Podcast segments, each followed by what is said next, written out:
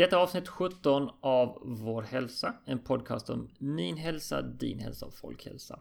Och idag ska jag prata lite grann om panikångest och hur det kan påverka en människa och dennes levnadssätt.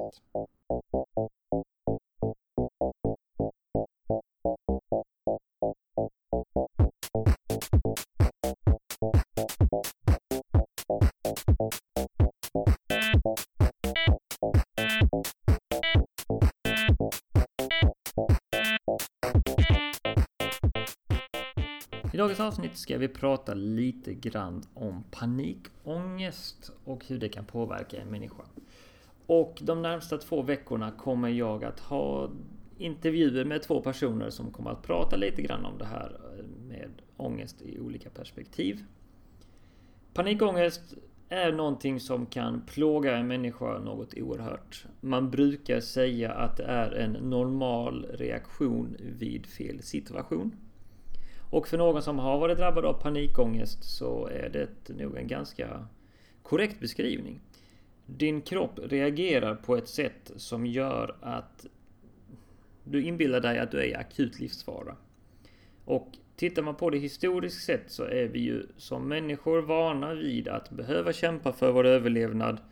Att på ett eller annat sätt vara i någon typ av riskzon hela tiden.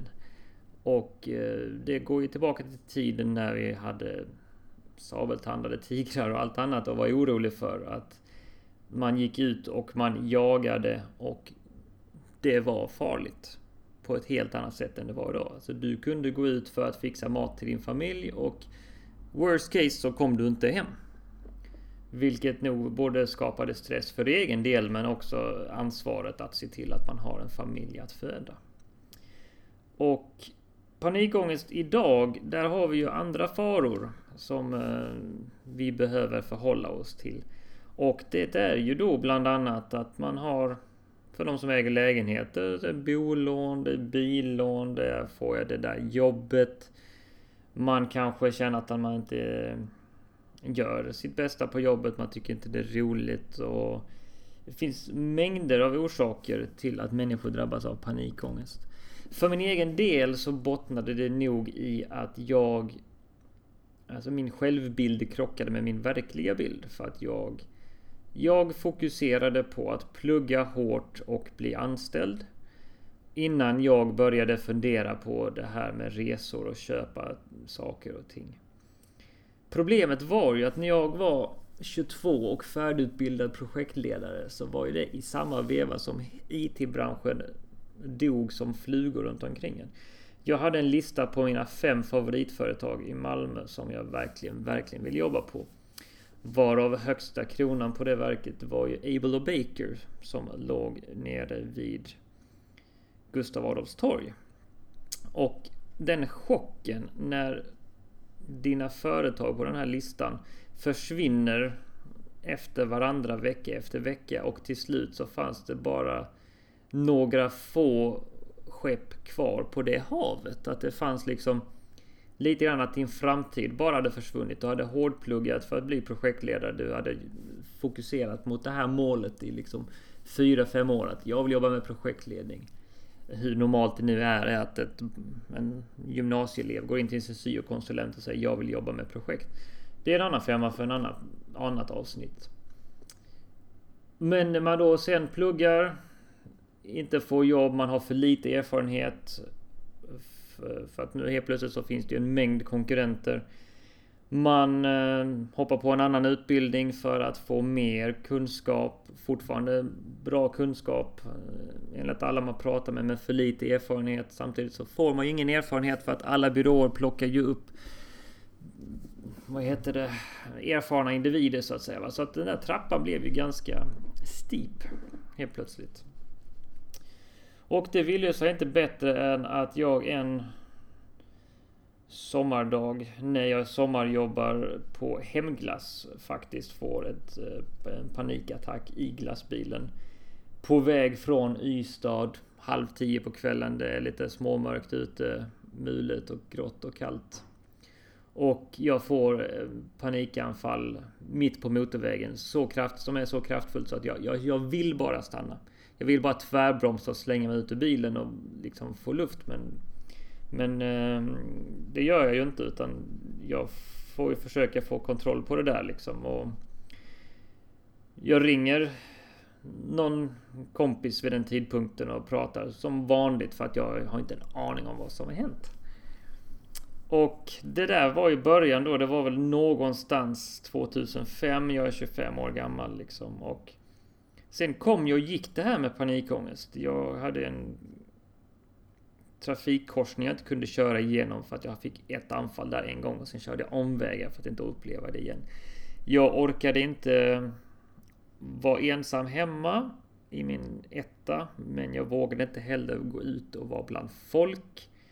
Jag eh, slutade spela innebandy för att det gjorde ont i bröstet när jag spelade och tränade och när jag fick hög puls så var ju det obehagligt och allting sånt där. Så vändpunkten kom väl egentligen genom en steg, ett par steg där, där första steget var väl någonstans att jag efter fyra EKG på kort tid fick träffa en hjärtspecialist och jag får köra massa tester, jag får cykla och ha mig. Och när han avslutar samtalet med att säga Andreas, du är helt frisk. Gå härifrån, jag vill aldrig någonsin se det här igen. Och det var ju ett bra första steg för att den här killen hade ju ändå liksom, hans enda fokus var ju på mitt hjärtas beteende och jag hade ju även haft maskin som spelar in hjärtats beteende under 24 timmar och sånt där. Det var ju inget fel på hjärtat liksom. I mitt fall så blev det säkert komplicerat av att jag har en pendlande bröstmuskelinflammation i bröstet som kallas TTC syndrom som kommer och går som kan spöka under kalla, kalla delen av året i alla fall. Um, som säkerligen triggade känslan av att någonting felade med hjärtat. Um, den andra insikten jag fick det var eh, när jag av en slump sprang på en artikel, vetenskaplig artikel som handlade om hur panikångest kunde triggas av dålig mat. Och i det här fallet då så var fokuset på socker. Och eh, jag kunde ju någonstans, jag var oerhört lättad av det. Jag kunde känna liksom att det här är grejen någonstans. För saken var ju den att när jag mådde dåligt så åt jag ju godis. För att det tröstade ju, det belönar ju hjärnan. Och kroppen i den bemärkelsen tillfälligt. Medans när jag sen kraschade efter det här mådde jag ännu sämre, vilket gjorde att jag åt mer godis, vilket gjorde ju att det blev ju bara en ond spiral av det där. Så när jag började fokusera mer på hur jag åt, vad jag åt och eh, började göra olika typer av meditativa övningar så att jag kunde slappna av mer. Så eh, blev livet lättare. Jag kunde fortfarande få panikattacker men då visste jag i alla fall hur jag skulle hantera dem. Och sedan jag blev förälder så för cirka två år sedan så har jag peppar peppar faktiskt inte haft eh, något annat än någon enstaka panikreaktion eller panikångestattack. Utan en oerhört mild variant i så fall. Och det var väl lite grann en beskrivning av hur det upplevdes från insidan för min del. Och det kanske kan vara till nytta för både drabbade och familjemedlemmar att eh, ta del av. För de som har panikångest så kan jag bara rekommendera att Eh, man hittar sina lugna korn i vardagen. Meditation eller bön eller ut och springa. Det är bland annat det som, alltså att ut och löpa är någonting som eh, avstressar. Det är bevisat vetenskapligt och det kommer Anders bland annat att nämna när jag intervjuar honom nu på torsdag angående hans bok. Och eh, sen finns det ju andra hjälpmedel. Vi har ångestsyndromsällskapet som har bra information för både drabbade och anhöriga. Vi har Ångestskolan som finns på Facebook som lyfter det här och så finns det även Ångestpodden som jag tycker man kan ta och lyssna till. Så mina tips till drabbade. Eh, våga sök hjälp. Läs bra böcker. Det finns en fantastisk bok om, av Roger Baker som handlar just om panikångest. Hur han själv började forska i det och sen blev drabbad av det och därför kunde skriva om det på, från båda vinklarna så att säga, som har hjälpt, hjälpt mig oerhört mycket. Det finns eh, en, finns en idé med att kolla hur ni äter. Gör ett mat, matschema för en eller två veckor och se om du kan koppla dina ångestanfall till någon typ av kost eh, under en viss period så att säga. Ehm, jag lyckades komma igenom det utan piller. Det var ett helvete, men jag kom igenom utan piller, vilket har gett mig en sorts styrka i det som jag har nytta av idag. Ehm, det kommer att bli bättre. Har ni precis börjat få panikattacker, ni kommer att komma igenom Ingen dör av en panikattack. Ingen någonsin dör av en panikattack. Ehm, ni kommer komma igenom det. Och eh, förhoppningsvis kan de här intervjuerna de närmsta två veckorna eh, kanske bli mer. Eh, det får vi se. Det beror lite grann på hur saker faller på plats här. Så hoppas jag att det kan bidra till någonting. Och till de som är nära någon som är drabbad, som känner någon som är gift, sambo, nära kompis med whatever med någon som är drabbad. Det bästa ni kan göra är att försöka förstå. Inte säga saker som att skaka av dig det nu eller skärp dig för att det är kroppen som reagerar, det är ingenting man styr över. Som sagt, det är en naturlig reaktion vid fel situation. Så att kroppen behöver omprogrammeras och det kan ta tid och därför behöver man tålamod från familjemedlemmar och annat för att de, så att de kan hjälpa en igenom det.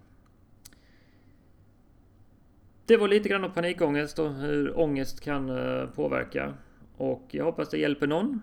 Och eh, de närmsta veckorna ska vi som sagt prata lite mer om de här sakerna.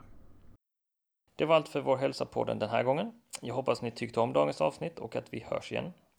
Ha nu en riktigt bra dag och glöm inte, bättre hälsa börjar med ett beslut. Ditt.